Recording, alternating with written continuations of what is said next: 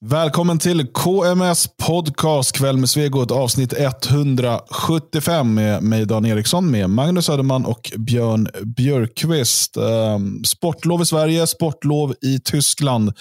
Ehm, vi är också i karantän. Ehm, det är roligt. Saknar ni karantänen? Jag, jag kan bara konstatera att i mitt fall så är det ingen skillnad egentligen mot vad det var innan. Nu har vi ju ingenting. Alltså, covid har ju gått över, eh, pandemin är slut och allting är som det ska vara. Men eh, nej, för egen del är det ungefär samma. Men eh, det säger väl kanske mer om mig än, än andra så att säga. Ja, både och. Jag tycker inte vi har haft så jättemycket karantän heller. Man har ju kunnat gå och handla och man har ju kunnat gå omkring som man vill utan munskydd. Och... Så jag vet inte.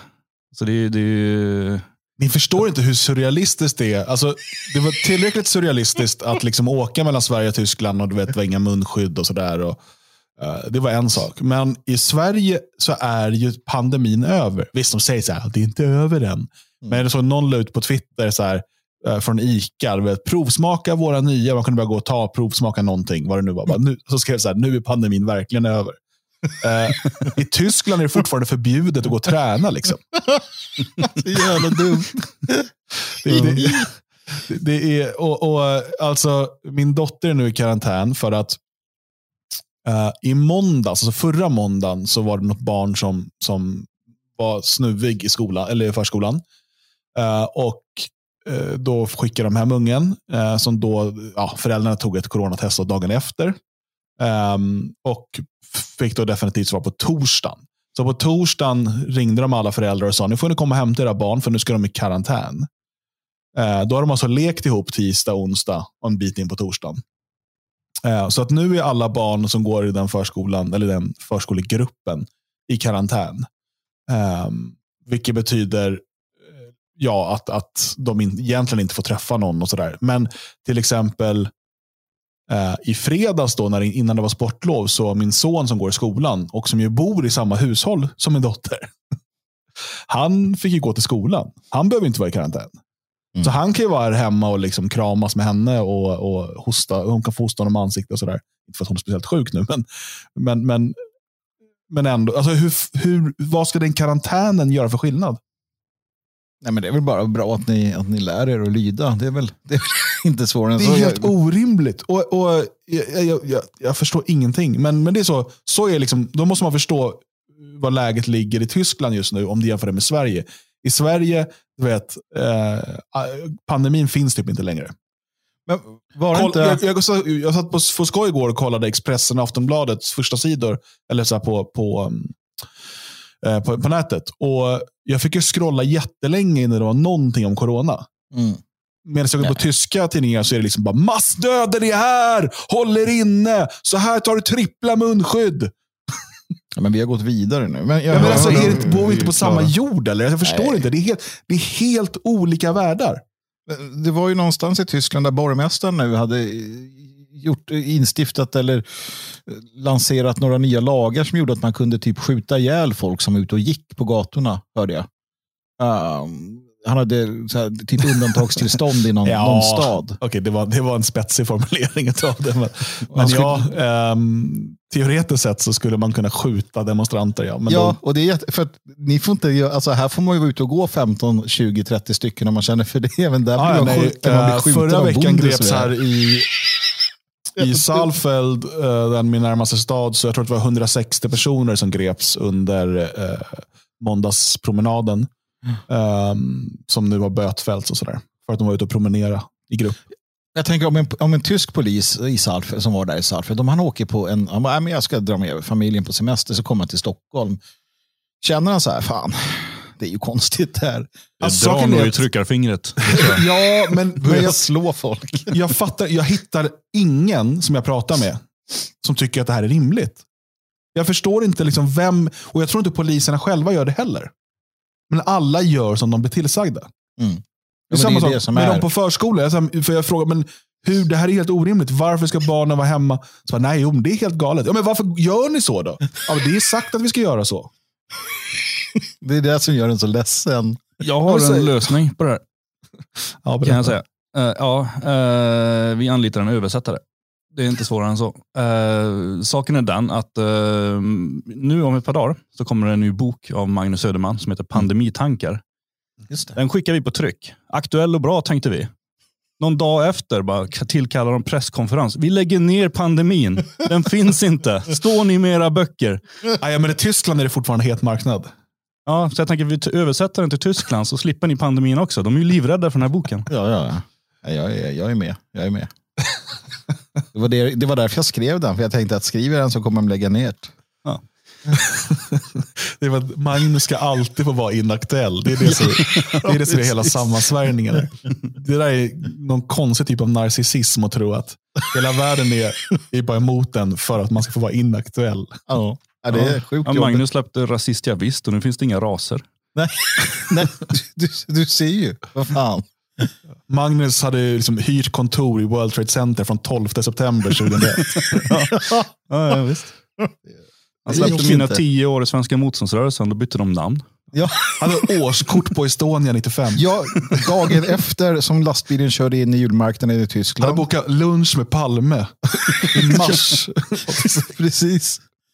Ja, det, är, det är så. så. Så är det att vara jag. Ständigt inaktuell. Men ändå jävligt aktuell på det sättet. Ja. Men okej, jag- har ni sett eh, Janne Guillous eh, senaste debacle? Ja, jag har sett att det finns. Alltså, det är ju... eh, Vad, vad, vad är det med den här människan? Varför Men är han som han är? Han börjar gå i barndom. Um, och det är det som är så sorgligt. För att han, var ju, han har ju varit en skarp skribent faktiskt, måste jag säga. Jag har uppskattat dels det han har skrivit tidigare, men han har varit duktig på liksom sådär. Men på senare tid så har han blivit så himla dålig. Jag minns att jag för några år sedan gick i svaromål till och med och tyckte att jag lyckades leverera långt mycket bättre än vad han själv hade skrivit. Um, och det, han tänker inte skarpt längre och sådär, utan nu, nu är det bara, så, han sitter så här gubbtrött eh, och, och, och, så. Ja, sorgligt. Men varför är han så... va- Varför älskar han islam och islamister så mycket? Vad, är det, vad var det som hände den här natten i Palestina 1968? Liksom? Eller jag förstår inte. Vad, liksom, det är någonting är det ju som gör att han, han är ju helt... Eh, när det kommer till den frågan så har han ju tunnelseende. Och det, nu har jag inte läst jättemycket av Gio, men några jag tycker alltid att poängen i hans böcker är att muslimer är snälla. Mm. Eh, jag tror att han är smygmuslim. Varför skulle han smyga med det? Jag vet inte. Nej, men jag vet inte heller varför. Ja, Eller, eller att, han, att, han har, att han vill vara muslim. Men han har liksom inte tagit sig för. Jag tycker att han kan göra det. Komma ut. Konvertera. Släppa kommunismen och bli muslim. För det är det han vill någonstans. Han kanske, han kanske har haft en... Som du vet, du kan åka någonstans. Folk åker till eh, Thailand och, tittar på några buddha-tempel när de är unga. Sen så går de och har det där i huvudet resten av livet. Sen blir de buddister när de är 60 eller något. Eh, jag tror att det är samma där. När han var nere där, Palestina-kampen, du vet, muslimer och kommunister och det gick så bra och allting. Och sen har han bara burit det där med sig. Sen hatar han Sverige eller någonting. Och skolan han gick i som var säkert så här, mm, protestantisk och så vidare. och så vidare. Ja, något sånt. Det senaste han är arg på är Sofie Lövenmark eh, och den här eh, doku, eh, stiftelsen Doku. Mm. eh, som ju då ska typ granska islamister och så vidare. Det är väl typ, det är en, känns som att de försöker vara expo fast rikta sig mot islamister. Alltså, vilka är de? Det, det, jag har sett det där. Jag har aldrig tänkt på Ja, men hon de är väl deras eh, kändaste person som utåt i alla fall. Men jag tror att Ja, ja, Ranstorp det- är väl med där också. Ja, precis. Han är väl kändare. Så. Men, Ja. men, eh, Mhm. nej, men det är väl ett gäng liberaler som, som eh, alltså de, de, de, det jag har sett av dem, vilket har gjort mig ganska ointresserad, det, det är att det är väldigt mycket fokus på att eh, islamister är dumma mot judar och homosexuella och därför är det Mm. ett problem. Ja. Eh, medan man måste göra en tydlig skillnad mellan islamism och islam. och, sådär. och eh, den ständiga att det är egentligen jättefint om det byggs massa moskéer i Sverige och så. Det är bara att vi måste se till att hålla, hålla de dumma borta. Mm. Ja, alltså, jag tycker att de är ganska ointressanta på, på många sätt. Det som kan hända är ibland att de gräver upp någonting som är intressant som man sen kan jobba vidare på. Palme. Har du hört något? Nej, det har de inte gjort. Nej, det vore konstigt. Men, men också intressant om man kunde jobba vidare på. Ja. Eh, Men, men eh, det som Gio skriver här, då, det så kallar han dem för kampgrupp. Det tycker jag är roligt. Eh, Men, men sen så är han sur på att Lövenmark får skriva på eh, Expressens ledarsida. Mm. För han menar att marxist-leninistiska kampförbundet fick inte skriva i liberala sidor. Det finns väl... Jag, jag är, alltså, bara hela den grejen, så här att hur kan Doku.nu få skriva eller ha en fristående kolumnist på borgerliga ledarsidor när inte marxist-leninistiska kampförbundet fick ha det? Fast det där är nog, det där är nog glasklart i hans... Jag har själv skrivit sådana här saker. Uh, då jag inser när jag läser senare att vad är det jag pratar om? Varför skriver jag så här?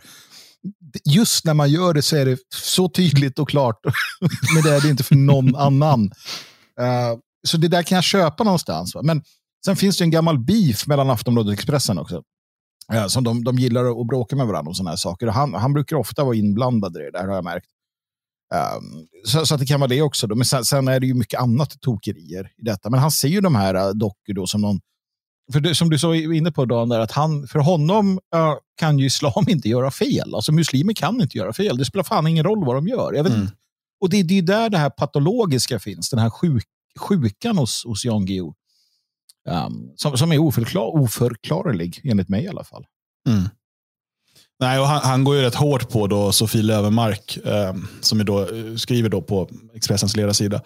Eh, och som sagt, han kallar ju dem för kampgrupp. dokument är en kampgrupp. Eh, och sen skriver han så här, så vem är denna allseende Sofie Lövenmark? Svårt att säga. Hon tycks inte ha någon bakgrund som journalist, forskare eller Säpo-anställd. Där ska han ju diskreditera henne. Liksom. Hon, Mm. hon är inte journalist. Så. Men hon är, om inte talespers, talesperson, så åtminstone galjonsfigur i medierna för organisationen Doku.nu, som är en hybrid mellan privatiserad underrättelsetjänst och kampgrupp mot den islamistiska faran. Mm. Medlemmarna i gruppen är få, men däribland några mediekända debattörer inom ultrahögen, är att förväxla med nazism eller SD. De för arkiv över misstänkta personer och har ett intimt samarbete med Säpo som förser dem med underlag för tidningsartiklar som i regel undertecknas citat Sofie Lövenmark. Slutcitat. Som att hon inte heter det på riktigt. alltså är det, är, det, är det humor han försöker sig på? Här? Nej, men det är det nog inte. Utan han är, Nej. han är allvarlig där. Ja, det är kul också att han beskriver Expo väldigt väl. uh, I detta. Alltså det är ju samma, det är ju det de är. Men det gör ju ingenting. För det är ju, nej, jag vet inte, han viftar eh, trött och slött. Um, jag, jag vet inte. Alltså det är ju svårt. Det där eh, IB var ju stort va? Det var ju bra. Sen vart det inte så mycket mer. Ja. Ni tror, tror ni att han är helt ärlig i sin uh, beskrivning av sig själv som Erik Ponti? Ja, I hans hjärna tror jag. Mm, jo, precis. Är- Var Guillou väldigt bra på att slåss och simma och sånt som barn? Jag När jag inte. tittar på honom så ser han inte ut som en kille som någonsin har varit bra på att slåss. Ja, men jag har ju sett han, eh, några bilder från när han kom ut från kåken där muckade. Då, då var han ju ganska bitig ändå. Ja, Jo, men det var han väl även när han hade tv-programmet med Jan Guillou och dem. ja precis. Han var lite sådär bitig. Men du tusan, han En liten liksom går- fyrkant som gick omkring. Ja, en liten fyrkant. För, saken är den att ofta, när, det, när det skärs sådär mycket och så, här, "Åh, titta, sådär, så brukar det inte bita särskilt väl. Lär vi Mm. aldrig få veta. Just nu om man skulle slå ner han, så det, det, går, det går inte att... Det går inte så här, kom igen då Janne din jävel, nu ska vi slåss. Varför inte? Eller- Han är ju gammal, men så tänkte jag, tänk om man gör det, han skickar på den en sån jävla smäll som han stupar i backen. Ja, okej, ja, men det är lite som att slåss med ett barn. Man kan ju inte vinna. Liksom, för Antingen så, så vinner man och då bara, jo, men det var bara ett barn. Eller så förlorar man mot ett barn. Det, det finns ingen vinst. Och det är ju samma där, att slå Jan Ja. Han är också usel räckvidd, tänker jag. Det gäller ju bara att hålla fem, fem decimeters avstånd Mm. så kan han aldrig komma åt den. Nåväl. Han skulle Eh, aldrig kunna slå Jonathan Lehmann till exempel. Jag vet, han, han, har, ju, han har ju ryggproblem. Han, alltså det, det kan man lära sig av honom. Det är ju en, det är ju en väldigt disciplinerad eh, skribent. Han har ju han har alltså ryggproblem för att han i 30 års tid, eller vad han sa, har suttit åtta timmar om dagen och skrivit. Eh, alltså han är en fantastiskt discipliner- disciplinerad skribent. När han, ja, alltså åtta timmar, sitter Fast och arbetar. jag vet inte om jag... jag, jag, jag har, på ett sätt kan jag liksom beundras av det, att man är sådär disciplinerad skribent. Men samtidigt så känns det då som att man är... Han är ju, vad är skillnaden på han och en jävla kinesisk barn i en sweatshop? Han, Han sitter ju bara... miljoner. Jo, jo, men, jo, det och... Och till skillnad eh, från alla som säger, Det "Jag kinesiska skapar." barnet har längre armar. Men liksom, förutom det så... Jag, jag tänker att det bara är lite så här industriellt skapande av text från hans sida. Ja, men, skillnaden är ju att alla andra Lite som... Stephen King, tänker jag. Att det, är liksom, det är bara sitter och bara sprutar. Alltså, Ja. Man kan ju vara duktig skribent för det, men det känns som att det inte är det är inte som att, inte så som att han är besjälad av liksom någon typ av... eh, Nej, men, eh, ja, nej, jag vet inte. Alltså, saken är den att eh, problemet är ju eh, att människor som ska vara besjälade innan de gör något, de får ju fan ta mig ingenting gjort någonsin i princip. För det, ja, men en del oh, av dem trycker ur sig en eller två bra böcker på en Ja, livstid. men, då. Ja jo, precis. Men du kan ju inte, då måste du ju typ göra något annat också. Ja, eller ha bli en- någon eh, sån här eh, som pröjsar för den. När kommer din bok då? Är det det här, vi, är det, det, här det handlar om Det, egentligen? det här jag vill komma till. Att ska det bli riktigt bra så kan man inte bara sitta och trycka ur sig saker. Man får göra som Gailey Simpson och ja, liksom, skriva en bok på tusen sidor. Det tar hela livet. Den kommer ut efter ens död. Ja, det- nej, men det, finns ju, det finns ju två olika typer av författare och den ena är ju den som sätter sig att nu gör jag det. Den det ena är den som jobb. skriver böcker, den andra är den som aldrig blir klar. Ja, den andra är sådana som du och jag Dan som bara, jag gör den jag har en stund över och så ska det bli jävligt bra också. Och så, nej men det här kapitlet som jag har jobbat med nu i två år, det, det kan jag inte riktigt stå bakom längre och så slänger man det det. är mycket lättare för så här författare som Magnus, om man inte har några krav på kvalitet, då är det skitlätt att få ut så mycket, många böcker. Liksom. Ja, man bara sätter sig och så bara klopp, händer det saker. Där.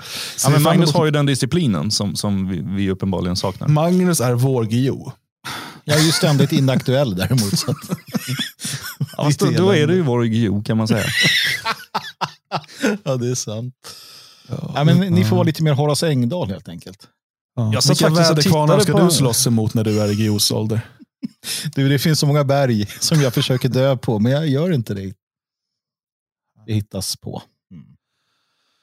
Ha, eh, du har ju faktiskt skrivit på svegot.se idag också. Ja, det bara trummades ut här. Jag bara Mm. tar ett ämne från The Grapevine och så bara... Klart! Härligt. Ehm, du skriver om eh, den planerade bondedöden. Mm. Jag kan inte kalla det för något annat. Det måste vara det. Jag, jag kan inte se det på något annat sätt. Jag Ehm, hoppas- Och jag eh, tänkte att jag ska binda ihop det här med lite andra saker. Men det du, det du skriver om här är ju att, att man medvetet bedriver en politik som gör um, svenskt jord och lantbruk olönsamt och därmed omöjligt att driva. Mm. Precis. Eh, och en del av det är ju eh, liksom de, de ökade priserna på, på råvaror och, och el och drivmedel och så vidare. Mm. Och Det här är ju någonting som inte bara... För, för, jag tror att många har svårt att förstå liksom kretslopp och hur saker och ting hänger ihop. Ehm, för att man ser bara de isolerade sakerna. Så här tänker man, okej, eh, tur att jag inte är bonde. Mm. Det här drabbar ju inte mig. Mm. Men eh, sam, igår skriver då Aftonbladet att nu ökar priset på glass. Mm. Det däremot känner många, det här drabbar mig. På Ehm, Södermalm där vart det jävligt jobbigt helt plötsligt. GB Sandwich har ökat med 16 procent den här månaden i pris. Mm. Och Saken är att de här två sakerna hänger ihop. Det är det man måste förstå. Att, att, att eh, bönder får en omöjlig arbetssituation resulterar i att din sandwich blir dyrare. Det Mm. kanske inte är det värsta som händer på grund av det, men alla de här sakerna hänger ihop. Och Den politik som har drivits eh, under lång tid eh, resulterar i inflation, vilket eh, i sin tur då eh, resulterar i högre konsumentpriser. För att när priset på drivmedel ökar, när priset på el ökar, när priset på råvaror ökar, så måste de pengarna komma tillbaka någonstans. Och I slutändan är det då alltid konsumenten, alltså den som ska köpa den färdiga produkten, som måste betala för det. Mm. Ehm, jag vet, eh, vi pratade om det här förr, Magnus, när du jobbade i, i åkeribranschen. När, man, när det kom så, ah, men nu kommer de här nya skatterna, nu kommer de här. Ja, men i slutändan det är bara kunden som får betala mer. Ja, ja. Och I första hand är det ju då den som beställer transporten. Men den personen ska ju förmodligen ha några varor levererade som sen ska säljas till någon kund. Mm. Eh, och I slutändan så är det ju liksom du som ska gå och, och köpa din, eh, din mat eller eh, matta eller möbel eller vad det nu än är. Som måste betala för det för att det, transportkostnaden blir dyrare. Och När det gäller jord och lantbruk så används ju el och, och diesel och så vidare till mycket mer än bara transport. Och när det här blir dyrt så blir allt annat dyrt. Och då, Det här är en av anledningarna till inflation. Mm. Och när inflationen ökar så innebär det dels att du har mindre köpkraft, alltså du får mindre för de pengar du har. För det är väldigt sällan som din lön ökar i samma takt som, som inflationen när den är i ett sånt läge som det är nu. Mm. Eh, och Det andra eh, det innebär det är en dold skatt. Eh, nu eh, talade man om 7,5 procent tror jag det var, eh, inflation i USA. Eh, och Skulle den hålla i sig över ett år så betyder det att det är 7,5 procent extra skatt på allt, alla pengar du har. Vare sig det liksom, alltså, så har du till exempel dem på ett bankkonto utan en ränta eh, som är högre än 7,5 procent eller har du dem i madrassen så har staten genom sina, sin politik stulit 7,5 procent av värdet på dem. Um, så, så det, det, är som en extra skatt liksom, eh, bakifrån. En skatt på sparande. Um, och ehm, Den typen av inflation brukar också leda då till att människor får liksom ett kortare tidsperspektiv och därför kons försöker liksom konsumerar snabbare, sparar mindre och så vidare. Och Sen kommer du i en väldigt negativ spiral. Uh, men det, det, det, är här vi är nu. Och så här, varför är då elen uh, och drivmedlet dyrare nu? Har ni, har ni någon idé? I grunden så är det eh, skatt. Och det är liksom i grunden, den, en, den skatt det, som, som staten sätter på el och drivmedel, mat, alltså moms, vad du vill. Det, I grunden är det det. Ja, sen finns det andra aspekter naturligtvis. Det är råoljepris och det är tillgång och efterfrågan. Det är eh, efter pandemin när, man, man, eh, när, när ekonomierna ska sättas igång. Och du har allt det här. Det, det du alltid hör när du sätter på radion, det, det är sant. Mycket av det, alltså varför priserna går upp och så. Men det de inte säger är ju eh, framförallt skatterna och, och framförallt att det är en medveten strategi eh, för att, att få till stånd en, en förändring i samhället. Och det, det, går hand i hand med eh, World Economic Forum, idén om att du inte ska äga någonting. Eh, du kommer inte ha råd att äga någonting. Alltså, du kommer inte och som du säger, då, man ändrar beteendemönster och köpmönster och så vidare. Och så vidare. Och det finns upp, och det är det jag menar här. När jag liksom, tänker jag på det så kan jag inte annat än konstatera att det här måste vara medvetet det, finns inget, man kan inte höja skatterna, man kan inte ha, som vi har i Sverige, den här, um, för många tror så här att nej, men, um, snart går drivmedelspriserna ner igen. Det är liksom lite, lite jobbigt på, med råoljan och sådär. Nej, alltså varje år så höjs skatten. Varje år så ser man till att lägga på mer. Um, och så vidare. Så man kan liksom inte som politiker göra detta utan att veta vilka konsekvenser det får. Och, och, bara för att, liksom, bara för att så här, hur nära det ligger. När man, jag tittar ut från fönstret där jag sitter och ser en, en, en skördare, en skogsskördare åka förbi som ska skörda skog. Den går på diesel. Alltså, det är så pass nära för de flesta människor, fast de ser det inte. Va? Så att, eh, nej, eh, man måste förstå att det är planerat, det är medvetet, man vill ha det så här och de som lider är, är till sist då vanligt folk. Framförallt de som tillhör medelklassen. Eh, bidragskategorin eh, kommer fortsätta få sitt och det är dit man vill ha folk. Man vill ha prekariatet, man vill ha eh, bidragsberoende i större utsträckning. Det är jag rätt säker på. Ja, nej, alltså råoljepriset är ju billigare än, än många, många år tidigare. Alltså, det, det, går ju upp och ner, men det har varit dyrare förut. Men då har till exempel bensinen och dieseln varit billigare. Eh, för att skillnaden ligger i, i bland annat skatt som du säger. Uh, det här har ju varit en, en medveten politik ifrån eh, de gröna runt om i, i världen eh, och sen som då också har följts av andra, ehm, andra partier. Eh, avvecklandet av kärnkraften och liksom försöket att straffa då, fossila bränslen till förmån för ja, för vad? Elbilar som leder till liksom, utarmning av Amazonas och, och barnarbete i Afrikas gruvor. Um, så, och, och, dessutom då som ska då laddas med el som blir svindyr för att man samtidigt avvecklar kärnkraften. Mm. Uh, alltså, saken är att man, man, vet vad det här leder till. Jag tror att de, i alla fall uh, arkitekterna på något sätt vet det. Sen tror jag att många av de här 349 pajasarna i Sveriges riksdag De har ingen aning om vad de håller på med. Alltså jag, Mm. tror, jag tror faktiskt det. De flesta är, de, de ser liksom inte längre än, in, alltså knappt runt knuten. Liksom. Eh. Utan det är bara, okej, ja men det här är, ska partiet göra nu och det här, och jag gillar ju inte, det, det blir smutsigt i luften, jag är emot bensin. Och så trycker Mm. de. Men, men det jag vill ha fram här, alltså, du fortsätter, det är det som jag skriver här. Att, ja, alla, behöver inte, liksom alla behöver inte vara fientligt inställda eller så, men de, de skiter i konsekvenserna. Det är det också. Mm. De, de, bryr sig inte, de, de bryr sig inte ens att undersöka vilka konsekvenser blir det här långtgående för folket, för, för landet, för ekonomin. Utan som du säger där, då, att så här, nej, men det är inget bra med usch, smog i Kina, det vill vi inte ha i Sverige. Så nu gör vi så här.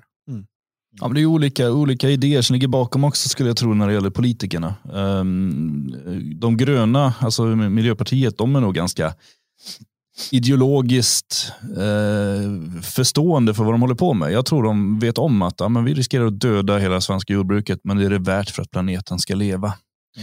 Eh, d- de fattar vad de håller på med. Sossarna tror jag är mera bara att eh, det, det, ja, men de behöver få in skattemedel någonstans. De är ju galna i skatt. Och Mm. Eh, Det där är en bra grej, för de kan skylla på klimatet. De kan också skylla på Miljöpartiet. Sen när folk börjar gnälla och nu när de har splittrats lite lämpligt inför valet så kan de säga liksom, ah, nej, men det var ju Miljöpartiet som krävde det här och det här och det här. Eh, och det tror jag kan gå hem hyfsat. Lite beroende på hur sossarna sköter naturligtvis. Det, det, är ju, det är ju två val sen som, som Magdalena Andersson gick ut och sa att vi behöver inte höja skatten på bensin och mer. Mm. Och sen eh, gjorde hon det fast hon inte behövde. för att det var roligt. Eh, och, och lite så tror jag väl att de arbetar. Och det, jag menar, när coronan satte igång från början, nu, det är väl ett par år sedan nu, då gick ju bensinpriset ner och dieseln. Mm. Bensinen var nere på 12 spänn. Och folk eh, bara, oj, ja, tänk om det, det sjunker ännu mer. Så nej, det kan- kan det liksom inte göra, för då var i princip allt skatt. Mm. Bensinen var i princip gratis. Vi betalade skatt när vi, när vi åkte och tankade. Eh, så därför kunde inte bensinen sjunka mer. Och det, det, det är ganska talande för, för eh, hur mycket skatt det är. Ja, nej, mm, verkligen. Jag, ehm, jag tänker också att folk måste förstå vad det här leder till för konsekvenser. För att eh, Nu tog jag glass här och det är liksom lite som ett roligt exempel bara. Eh, för att, Ja, men det är ju också konstigt ju att Aftonbladet väljer att göra en stor grej på det. Varför inte Ja. bröd eller saker som folk verkligen behöver? Att gå ut Nej, i, alltså sen i man har februari, en- nu är glassen dyr. Det är ju inte så jävla många som konsumerar glass i februari. man, man tar ju samtidigt, man har som en lista i, i slutet en tabell eh, från matpriskollen.se. Så här, det är bara ett exempel, men man måste förstå. Så här, Bob hallonsylt eh, kostade i början av januari 25,90. Kostar nu 35,90. Det är en ökning med 39 procent. Um, Ariel tvättmedel, Color, flytande. Eh, en ökning med 13 procent. Gevalia bryggkaffe mellanrost, en ökning med 21 procent.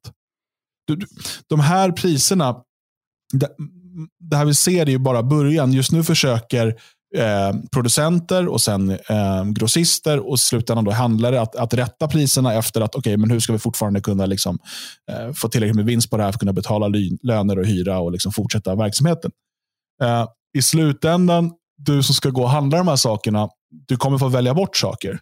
Mm. Alltså, absolut, det här kommer inte drabba liksom Annika Strandhäll som liksom plockar ut 120 000 i månaden eller vad det är. Hon Mm. kommer ju kunna fortsätta liksom, inte betala räkningar och sådär. Men, men eh, du, för den normala liksom, arbetaren eller till och med liksom medelklass-svensken Mm. så kommer det här att märkas. Mm. Eh, och i, fortsätter vi åt det här hållet, ser vi, kom, om inte drivmedel och elektricitet blir betydligt, betydligt billigare och mer lättillgängligt, eh, så kommer eh, många fler svenskar eh, än idag att behöva till och med välja bort kanske farmrätt några gånger i månaden. Behöva välja bort eh, liksom, eh, vad kan vi ge för näringsrik mat till familjen sista veckan i denna lön. Mm. För Ja. att priserna blir så pass illa. Jag lägg där till, som jag sitter själv just nu äh, och funderar på, kommer man kunna fortsätta med vissa äh, fritidsaktiviteter? Jag bor ju på landet. Äh, det tar, ja, till en av fritidsaktiviteterna så så tar det i princip ja, det, det, är en, det tar en timme med bil. alltså. Mm. Eh, För att bara ta sig dit. För att kunna, och det är en viktig fritidsaktivitet. Eh, och vi vet alla att sport och idrott är otroligt viktigt för barn eh, när de växer upp. Så är frågan så här, hur länge kan jag hålla på med det här? Mm. Um, vad måste jag skära in på för mig själv och så vidare. Alltså det, det, det har ju blivit, det är dit vi har hamnat nu när, när bränslepriserna har gått upp så pass mycket som de har gjort. Och man tittar på andra alternativ. Och jag tänker, gud vad skönt att, att uh, våren snart kommer, för då, då, då, blir det till att börja använda cykeln när man ska ta sig till uh, samhället där man handlar istället för bilen. Um, för att det, det, kommer inte, det, är inte, det är liksom inte görligt att lägga de, en, de summorna det blir på, på diesel i det här fallet. Nej, men, men det man måste se här är ju i det längre perspektivet den negativa spiral man hamnar i. Mm. Eh, som kommer betyda att fler människor kommer gå hungriga. Mm. Eh, än, än vad det är idag. Och man ska veta det att varje gång du träffar någon miljöpartist eller sosse eller någon av de här andra politikerna så är det de som är ansvariga för att dina barn eller dina grannar eller vänner går hungriga. Mm. För att alltså, det här eh, det här går inte att lösa eh, med liksom helikopterpengar. Plötsligt bara, om vi skickar ut, alla får 10 000 kronor extra i månaden. Eh, så de har råd att köpa de här dyra sakerna nu. Mm. Nej, för då får du bara ännu mer inflation. Ehm, och liksom, så, kommer inte, så, så eh, löser man inte problemet. Men sk- att de skulle... Alltså, som sagt, det finns flera eh, faktorer till att man får inflation. Det är inte bara liksom, bränsle och, och, och elpriser. Men vi pratar om det som ett exempel här nu. Mm. Eh, hade man velat lösa de här sakerna så hade man kunnat göra det. Men man är ideologiskt drivna i att få bort eh, fossila bränslen eh, och i att eh, inte eh, utnyttja kärnkraft. Mm. Vilket gör att man hamnar i, som den här vintern då, eh, med eh, oerhörda, oerhört höga elpriser. Eh, och det slår nu över i, i konsumentled. Eh, vi har oerhört, eh, får oerhört höga transportpriser och människor blir mer bundna i sitt hem och kan inte åka på fritidsaktiviteter och så vidare. Och, och det i sig driver bara på den här negativa spiralen. En annan sak som, som också händer, det är det här som visar att det är medvetet eh, på ett eller annat sätt, är att man, man eh, så att säga, alltså att om- bor du i storstäderna eh, eller i, i kringorter till storstäder, eh, då har du det bättre. I den, det perspektivet att, och, och naturligtvis om du, och de förutsatt att du bor i flerfamiljshus, att du bor i de stora liksom, hyreskomplexen, då får du ner um, elkostnaderna. Då får du ner, kan du få ner resandet. Du behöver inte bil. Det är sant. Du behöver inte bil om du bor i Stockholm, Göteborg, Malmö med kranskommuner. Det, det behöver du inte. Uh, utan det här är också ett sätt för, för makten att eh, fortsätta urbaniseringen. För det är det man vill ha. Det är, det, det är uppenbart att man vill ha det. Vi har pratat om det här så många gånger i så många år. Hur samhällsarkitekter på sina konferenser pratar om, som det var tal om för några år sedan, vi, vi, vi minns det alla när något fruntimmer tror jag det var, eller någon man sån här sa att Nej, men det bästa vi, det, det staten borde göra är att överge landsbygden fullständigt. Överge den helt och hållet. Satsa på de här ekonomiska motorerna i samhället och skit i landsbygden, de får klara sig själva. Och det är ditåt också lite grann man är på väg. Vi, vi dumpar det vi inte vill ha socialt, alltså flyktingar och eh, missbrukare och vad det nu kan tänkas vara, socialt utslagna, dumpas mer och mer ut på landsbygden. Det kallas social dumpning och det är någonting som pågår i Danderyd och på andra ställen. Storstäderna återigen skickar ut sitt på landsbygden. Ja. Och, och, och så får liksom det, eh, det bidrag och det får, vara, det får lösas på något sätt. Man bryr sig helt enkelt inte. Um, och, och det här är en del av det hela. Det här är en del av liksom, uh, idén om det nya, den, den här nya världsordningen vi ska, vi ska leva i. Där, där storstäderna, ofriheten, du äger inget men du är lycklig och så vidare och så vidare implementeras. Resten skiter man fullständigt i. Mm. Ja, ja, men jag, det, det viktiga tycker jag här att ta med sig, det är ju ehm, dels att liksom inflationen eh, den kommer fortgå ett tag och man kommer försöka med, och sen, det kan spåra ur totalt, men, men man kommer försöka med olika, eh, vrida på olika rattar så att säga för att, eh, för att försöka mm, tämja den. Eh, det brukar oftast bara vara att skjuta problemet på framtiden. Men det är viktigt att förstå att man som eh, som normal svensk, alltså man måste förstå de här krafterna och vad det innebär för ens egen privatekonomi. Du bör fundera över, alltså så här, sitter du och sparar pengar i svenska kronor, sluta med det. Mm. Det, det är ge bort pengar. Spara inte, liksom, om du inte har något jättebra så att du får 20% ränta någonting på dina kronor. Eh, annars eh, hitta andra saker. Jag pratade om krypto tidigare. Jag, jag, det finns guld, det finns massa olika saker. Du kan, kan du spara i fastigheter? Kan du köpa skog? Kan du liksom, eh, köpa skor som du sen kan sälja. Alltså, vad som helst som har ett beständigt värde. Eh, det här är inte liksom finansiell rådgivning, men, men eh, tänk efter lite. Spara inte i svenska kronor, eller i dollar eller i euro. Um, för att det kommer bara förlora i värde. Um, försök att hitta liksom andra, andra alternativ. Och förstå vilka du ska kräva eh, ansvar ifrån. Alltså att det här är en medveten politik som, och det, som man, ibland tror man att det bara är så kosmetiska problem. Att så här, ja, men det blir lite dyrare här och lite billigare där. I slutändan är det fler svenskar som kommer gå hungriga än nödvändigt. Och Det eh, måste man ha klart för sig. Radio Svegot görs möjligt tack vare er som är stödprenumeranter och eh, sedan senast eh, har vi fått in ett gäng nya stödprenumeranter och vi välkomnar Ypsilon, Erik S, Fredrik 03, Moja, Alexander S och Stora Panda. Vi har också fått in en donation från Kjell och det är vi väldigt tacksamma för. Om du tycker att Radio Svegots arbete är bra och vill stödja det, gå in på svegot.se och klicka på teckna stödprenumeration så får du också tillgång till våra bonuspoddar. I torsdags kommer en ny bonuspodd. Eh, den här veckan, eller den förra veckan blir det ju, handlade det om Björn Björkqvists tid i NSF. Och det här är en del av en programserie som kommer fortsätta de kommande veckorna. Vi kommer också prata om Magnus Södermans tid i Svenska motståndsrörelsen och om min tid i Nationaldemokraterna och Nationaldemokratisk ungdom. Ett sätt att eh, ja, skriva vår egen historia och berätta lite vad som hände bakom kulisserna eh, under tiden vi var med i dessa tre organisationer som ju inte finns längre. Eh, och Då kan man liksom börja vara lite mer transparent.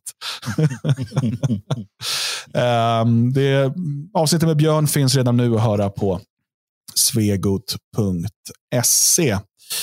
Någon som jag inte tror har lyssnat på det, det är ju uh, vår kulturminister.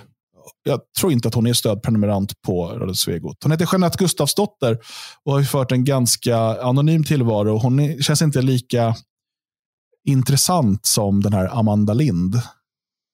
Nej. Alltså en ja. tråkigare frisyr. Tråkigare frisyr, inte, inte alls lika sådär, jag ska inte säga färggrann. Den andra var ganska blek och glåmig och tråkig också.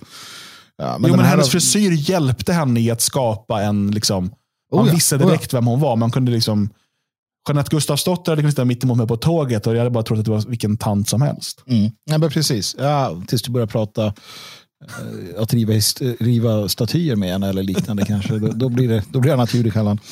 Ja, nej, men jag tycker de är ganska ärligt talat, eh, hela gänget, hela regeringen. Eh, jag vet inte vem som är vem. Jag, eh, alltså, den är jättetråkig, kan jag bara konstatera.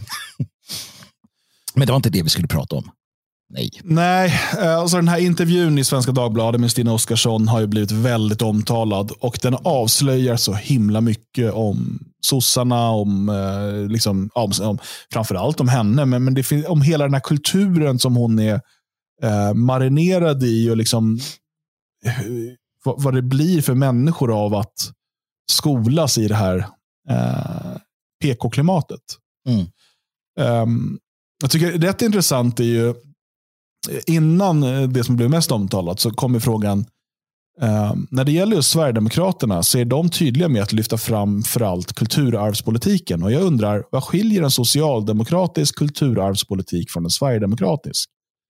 Och Då svarar hon, jag tror en skillnad är att vi vill ha kulturarv i Sverige. De vill ha ett svenskt kulturarv. Och Hur definierar du det? Ja, kulturarv i Sverige är ju allt som finns som har byggt Sverige, oavsett var det kommer ifrån. Vem som har stått bakom det från början vad det har för landstillhörighet och folktillhörighet. Allt det är oerhört viktigt att bevara. Har vi inte historiken med oss kan vi inte heller lära oss i framtiden.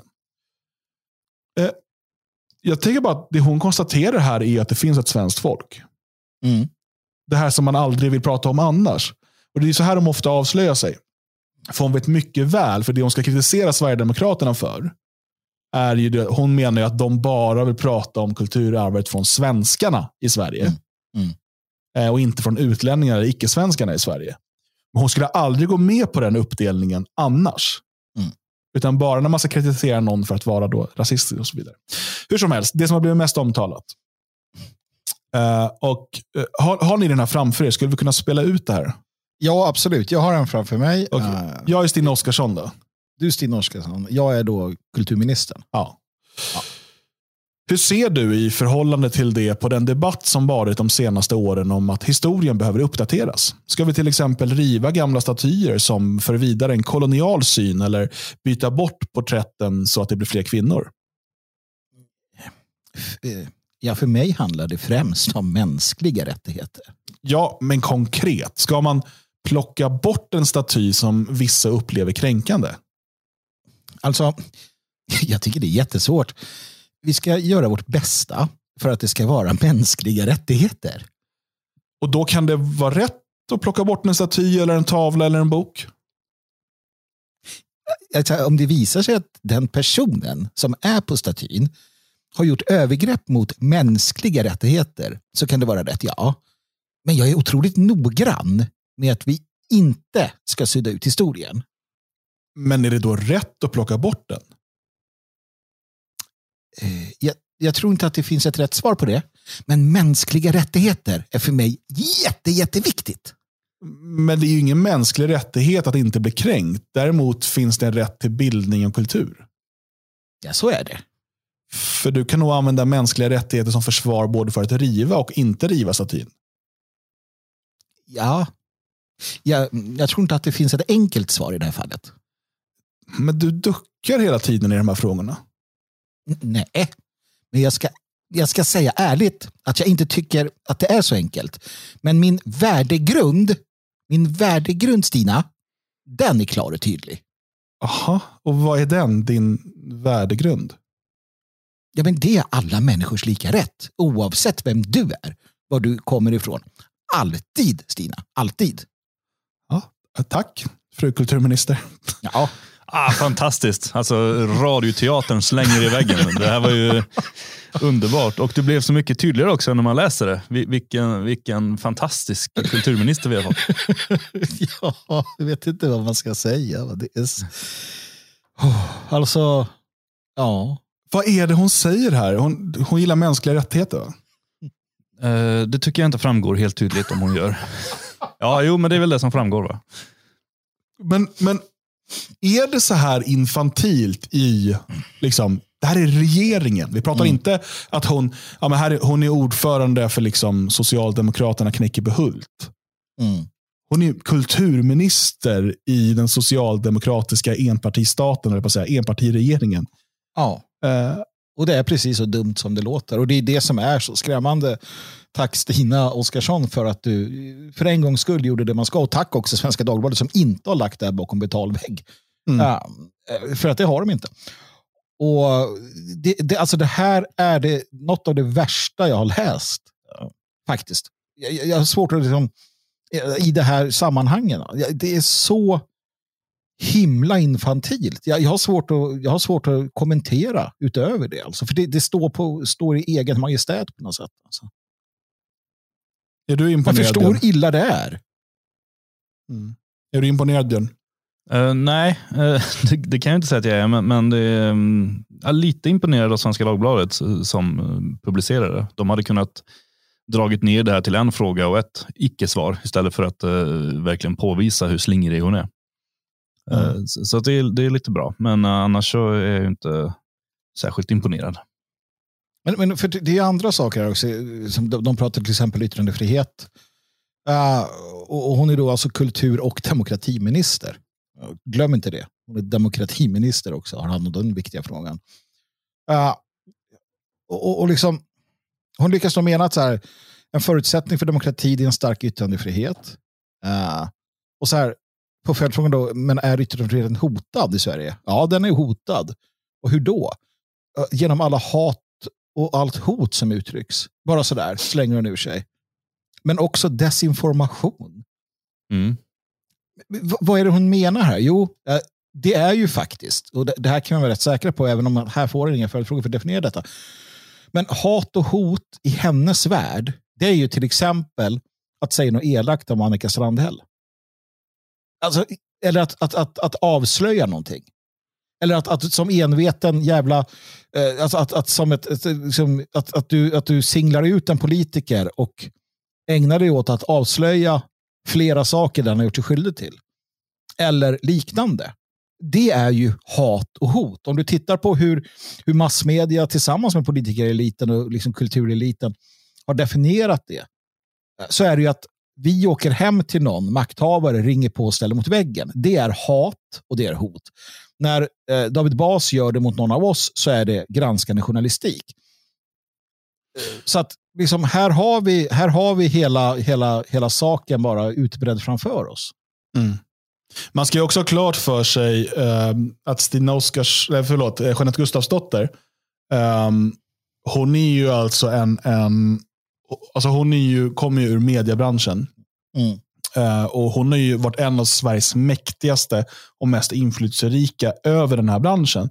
Och vi vet ju att det är media som formar opinionen. There is no public opinion, only published opinion och så vidare. Mm. Mm. Eh, alltså, hon var ju vd för Tidningsutgivarna. Hon har varit vice ordförande och, och styrelseledamot för Sveriges Radio under nästan tio år.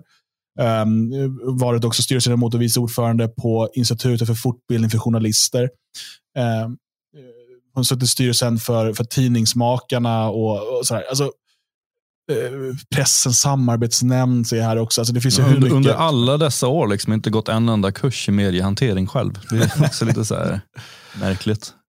Men, men och då är det så här, vad, vad är det hon eh, vad är det hon har liksom eh, haft för inflytande på andra journalister och så vidare. Om man ser här att för det enda hon säger är ju att hon är för mänskliga rättigheter, vilka hon inte ens kan definiera.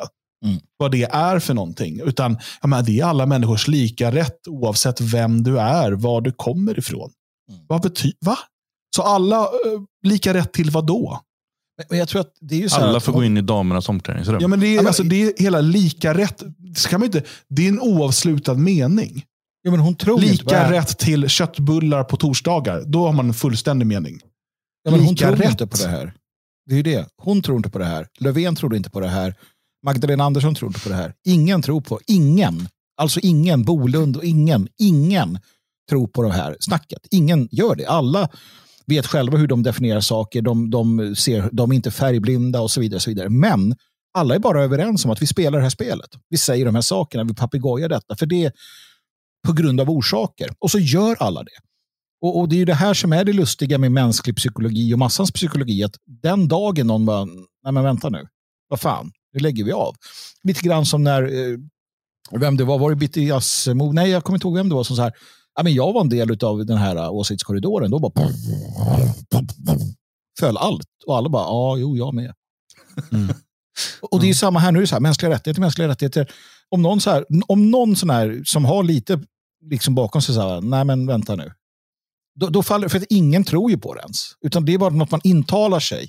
Eh, precis som med, med ehm, så covid och, och vacciner och med, med allt sånt här. Ryssland är den stora boven. Så här, folk bara, "Ja, ja, men hoppa på det här tåget för det är så vi ska tycka nu. Och det är ju det som är...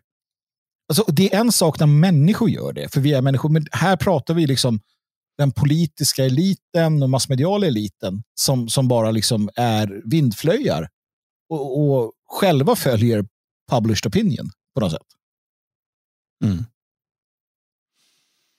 Ja, och nu, nu har det riktats en del kritik mot uh, Gustafsdotter här på ledarsidor och sånt. Men ehm, jag, alltså jag tror att när Magdalena Andersson läser det här så tycker hon att det var ganska bra ändå. Liksom. Ja, alltså hon säger ju inget. Hon, hon, upprätthåller säger ju goda saker. Ja, precis. Det är ju mänskliga rättigheter. Ingen kan vara emot det. Utom vi då kanske. Men, alltså, det ska ju mycket till innan du säger, ja fast mänskliga rättigheter är ju inte allt. Liksom. Nej, men alltså, jag, jag menar, jag, eh, alltså, mänskliga rättigheter är ju det är ett intressant begrepp. Och det där har vi säkert varit inne på flera gånger. Jag menar ju absolut att men, det finns en, en okränkbar rätt som varje människa har. Alltså man får inte... Alltså, så här, vem ska avgöra det? Jo, jo visst, men, men man, man kan inte behandla människor precis hur man vill. Alltså, en grundläggande, alltså vår syn på andra människor innefattar att alla människor har liksom vissa, en grundläggande rätt eller en grundläggande liksom, rättighet att inte behandlas illa. Ja, och eh. framför allt är det jag vill bara säga det, framför allt handlar allt det där om hur stater agerar mot sina medborgare. I Absolut. grund och botten. Absolut. Men, men det, och det, det, kan vara viktigt att ha någon typ av liksom gemensam eh, syn på liksom vad är okej okay och vad är inte okej. Okay. Alltså, så, så, fungerar ju liksom samhällen och civilisationer. Men när hon säger att, man kan, att det kan vara rätt att ta bort böcker eller riva statyer mm. om den personen som står bakom det har brutit mot mänskliga rättigheter. Mm. Det är ju här man är inne på den livsfarliga vägen. Mm. Um, för att vad, vad, liksom, vad, vad innebär det? Speciellt eftersom att det begrepp, när de använder mänskliga rättigheter, så är det någonting som förändras uh, hela tiden. Det är inte bara grundläggande um, liksom, uh, mänskligt värde så att säga, som, som bör vara okränkbart. Utan då kan det vara så här, ja, men den här personen eh, un, under den här eh, statsministern fick inte homosexuella gifta sig. Det är ett brott mot mänskliga rättigheter. Mm. Därför måste vi ta bort statyn av den här statsministern. Mm. Eh, och, och, Det är ju absurt i sig. Det andra, ehm, alltså hela grejen med att gå in och liksom, alltså även om en person, så här, Pol Pot, nu vet jag inte om han har skrivit någon bok. Ja, men alltså, så här, ska, då ska man inte kunna få... Ska inte hans bok, om han nu har skrivit en bok, jag vet inte. Vi säger att han har gjort det. Vi säger att han har gjort det. Hans bok bör ju fortfarande vara tillgänglig. Det är ju superintressant att studera om man liksom är intresserad av eh, vad som hände. Så här, men vad står det i Pol Pots eh, bok? Men nej, vi ska ta bort den från alla bibliotek för att eh, han är skyldig till, han, han ligger bakom ett folkmord. Det, det blir en totalt absurd inställning. Ja, men det är det här som de vill, tror jag. Um, alltså de, återigen, vilka är de här de man hänvisar till? Uh, låt oss definiera det vid ett annat tillfälle. Men de vill ju helst att, att det ska försvinna en massa, uh, för att då kan de fylla på med vad de, vad de vill. Alltså finns det en historia Finns det en, och nu, nu, nu stryker ju också så här vit rasism, får liksom försvinna ut i, i ingenstans. det, det, där har de nog inte tänkt igenom ordentligt. För att då borde ju risken öka för att det återkommer då, någonstans. Men, men jag tror att man vill ha en historielöshet, en generell historielöshet. Eh, för då kan man skriva partiets historia. Alltså man kan skriva liksom, den innevarande maktens eh, kan, kan själv bara avgöra vad som var historia eller inte. Och det, det tror jag att man, har, man, har, man kalkylerar någonstans med att det är bättre på det sättet eh, än, än att ha någon form av fri historieforskning. Precis som att det är bättre att försöka styra Eh, liksom, människors, eh, vad de får säga och inte får säga och så vidare. och så vidare. Det, det, blir någonstans, jag tror att de har gjort någon kalkylerad, jag tror att de gör helt fel, det tror jag. Men, men jag tror att man har någon medvetenhet bakom det. Ja, men sen är ju också, jag menar, det är ju egentligen inte en helt enkel fråga heller, precis som hon talar om 30 gånger. Eh, för det är ju, jag menar, statyer, statyer som man ser runt om i, i, Sverige, har ju, alla har ju inte alltid stått på samma platser. De flyttas runt med jämna mellanrum. Och ibland blir det lite småtjafs om det, ibland inte beroende på om det är politiskt laddat eller inte.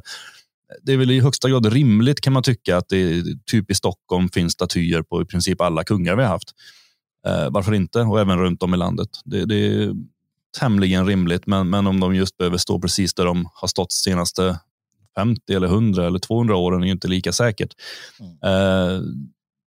Men frågan har ju blivit så pass känslig nu med att det kommer en massa människor, det har varit framförallt miljöpartister men även andra, som har krävt att statyerna ska bort helt och hållet. Och man försöker, det finns ju i Ungern till exempel, där har man ju skapat en park där man har ställt alla kommunistiska statyer. De har löst det på det sättet. Istället för att eh, bara riva och slänga dem så har man ställt alla i en park och så kan folk gå dit och titta på eh, Bella Kuhn och alla andra som eh, finns som statyer och, förfasas över idiotin som, som fanns på den tiden. Och lite så har ju vissa miljöpartister också varit inne på det, att ja, men vi tar Karl XII för han var dum. Och så ställer vi honom någonstans där folk kan gå och spotta på statyn ungefär. Mm. Eh, det är ju inte heller optimalt, men, men frågan är ju alltid, är det en självklarhet att alla statyer alltid ska stå kvar? Nej, men det är det ju inte. såklart. Problemet ligger väl i, i två saker till. Det ena är att, att uh, pöbelmänniskan dikterar villkoren, det här wokeism som vi kallar det för. Mm. Och det är ju på riktigt pöbeln som dikterar. Och pöbeln är ingen särskilt intelligent eller liksom genomtänkt uh, aktör. Den är både farlig och dum. Så det är det ena problemet, att, att, att våra ministrar i det här fallet då, försöker bara göra pöbeln nöjd, för annars blir det jobbigt. Det andra är ju liksom att, att främlingar, och det är ju där skon klämmer mycket, främlingar, människor som inte har här att göra, människor som är inbjudna, i, i, i, de som är, vissa av dem är inbjudna, vissa av dem är välkomnade.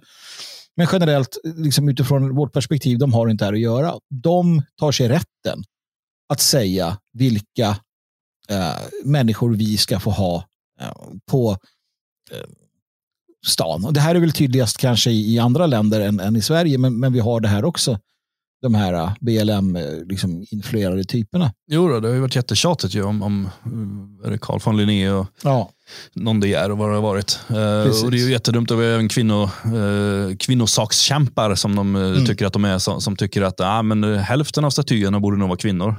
jo, men lycka till att hitta dem historiskt. Det blir, det blir ju mm. tramsigt. Jag kan tänka mig så här, en och annan drottning och Beda Hallberg kanske jag kan tänka mig en staty av. Men, men sen är det ju väldigt krystat. Bara, men hon, startade ju, hon var ju gift med han som startade Konsum på 80-talet. Hon mm. måste ha en staty. Det blir ju bara dumt. Mm. Men är inte det här också då ett inbyggt problem i offentlig, i, som i offentligt finansierad konst? Det är ett jätteproblem med offentligt finansierad konst för att den kommer alltid avspegla den rådande, eh, Eh, rådande makten. Jag menar, skulle vi kan vi vara ganska öppna med.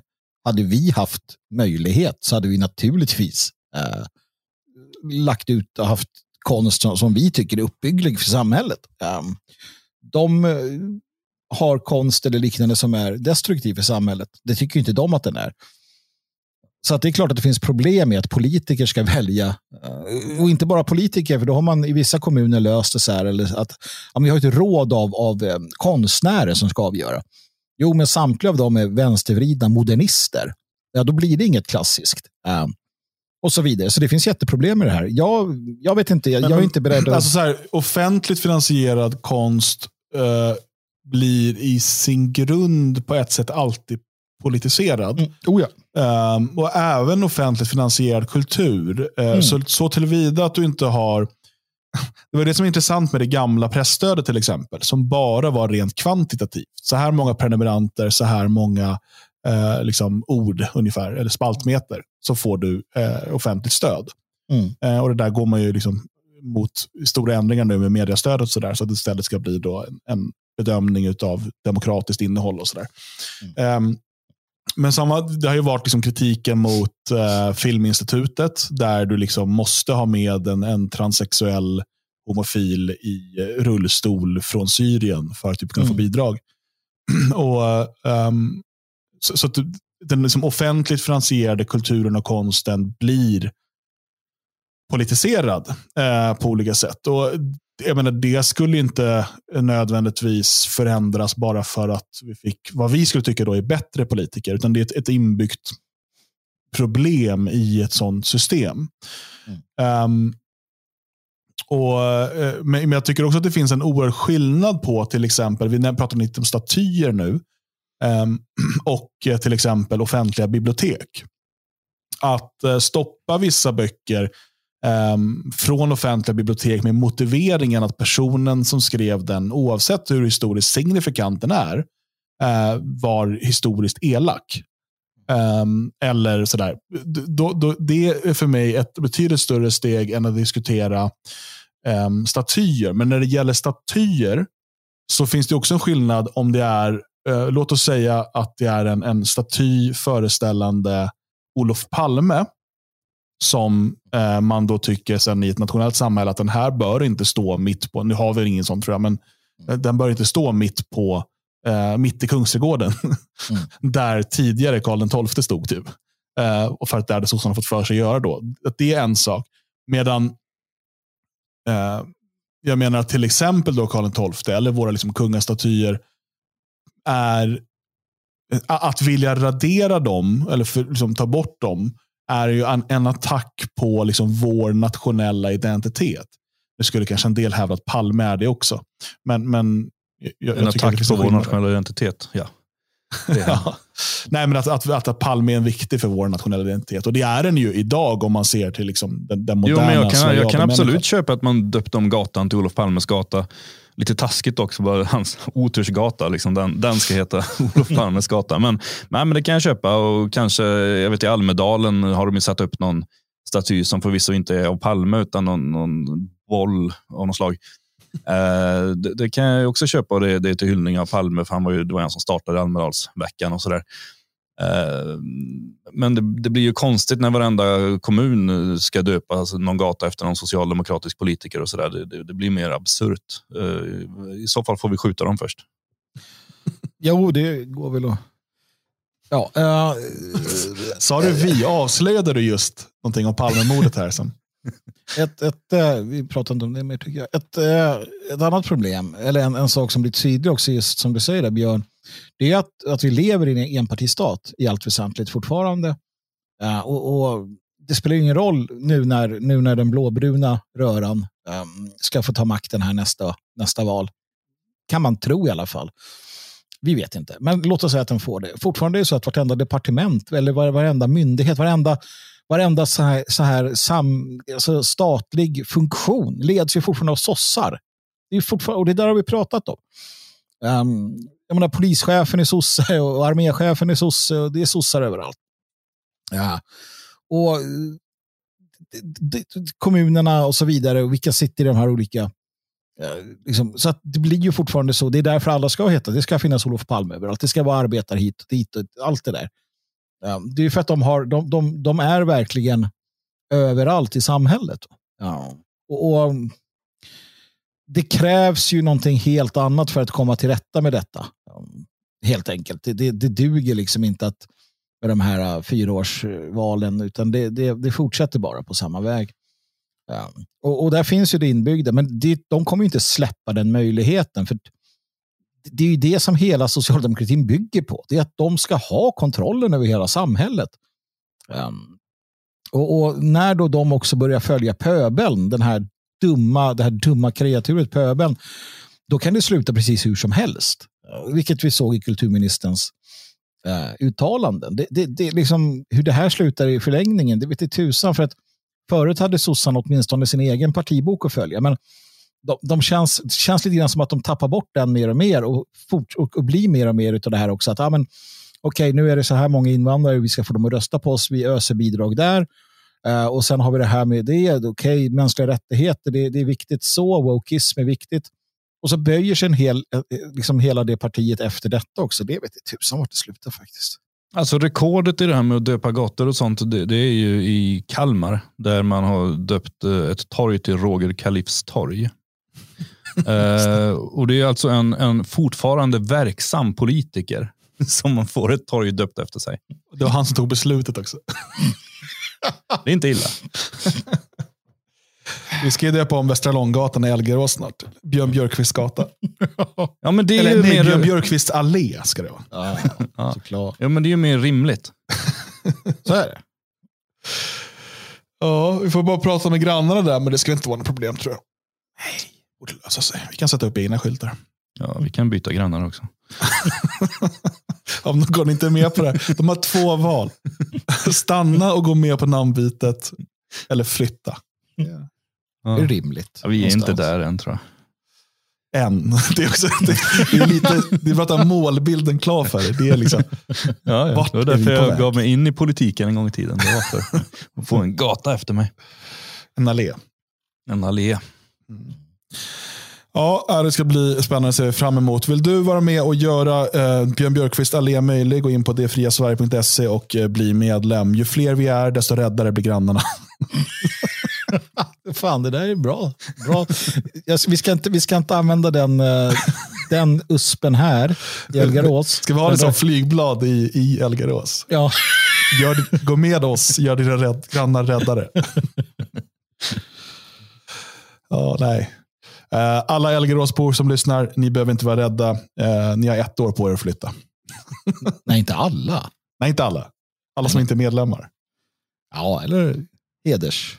Det är så roligt sen när. Expo kommer citera det här och inte förklara tonen i, i samtalet vi har nu. Ja, visst. Går runt och knackar dörr där borta. De ska vräka er. Va? Vad tycker ni att de sa så här? Vad sa de så där? Skojar är bara. eh, Eh, KMS eh, livestream ikväll klockan 20.00 på YouTube och D-Live och Odyssey och, och alla de här ställena. Eh, och Det vore ju väldigt kul om du som lyssnar vill vara med ikväll. Eh, vi kör ju någon timme, lite drygt ofta, eh, på, på måndagskvällarna där vi hänger med er i chatten, vi har lite trevligt eh, och vi snackar om det vi inte hann snacka om i podden. Om du inte kan vara med så går det såklart att se i efterhand, men då kan du inte vara med och påverka vad vi pratar om genom eh, att skriva i chatten. Och på torsdag kommer såklart eh, en ny bonuspodd. Imorgon kommer ett nytt avsnitt av På gamla och nya stigar. Det är del två i Jalle och Timmys eh, serie om germanska äventyr. Eh, det, det bör man ju absolut lyssna på. Eh, på onsdag kommer ett nytt avsnitt av Vårdkasen som är en podcast från Det fria Sveriges styrelse för Det fria Sveriges medlemmar. Eh, och på fredag kommer ett nytt avsnitt av Magnus Härd. Eh, och eh, på torsdag räknar vi också med ett avsnitt från passningen. Så att det är bara att hålla, hålla utkik på svegot.se. Nu tackar vi för oss och önskar en fortsatt trevlig vecka.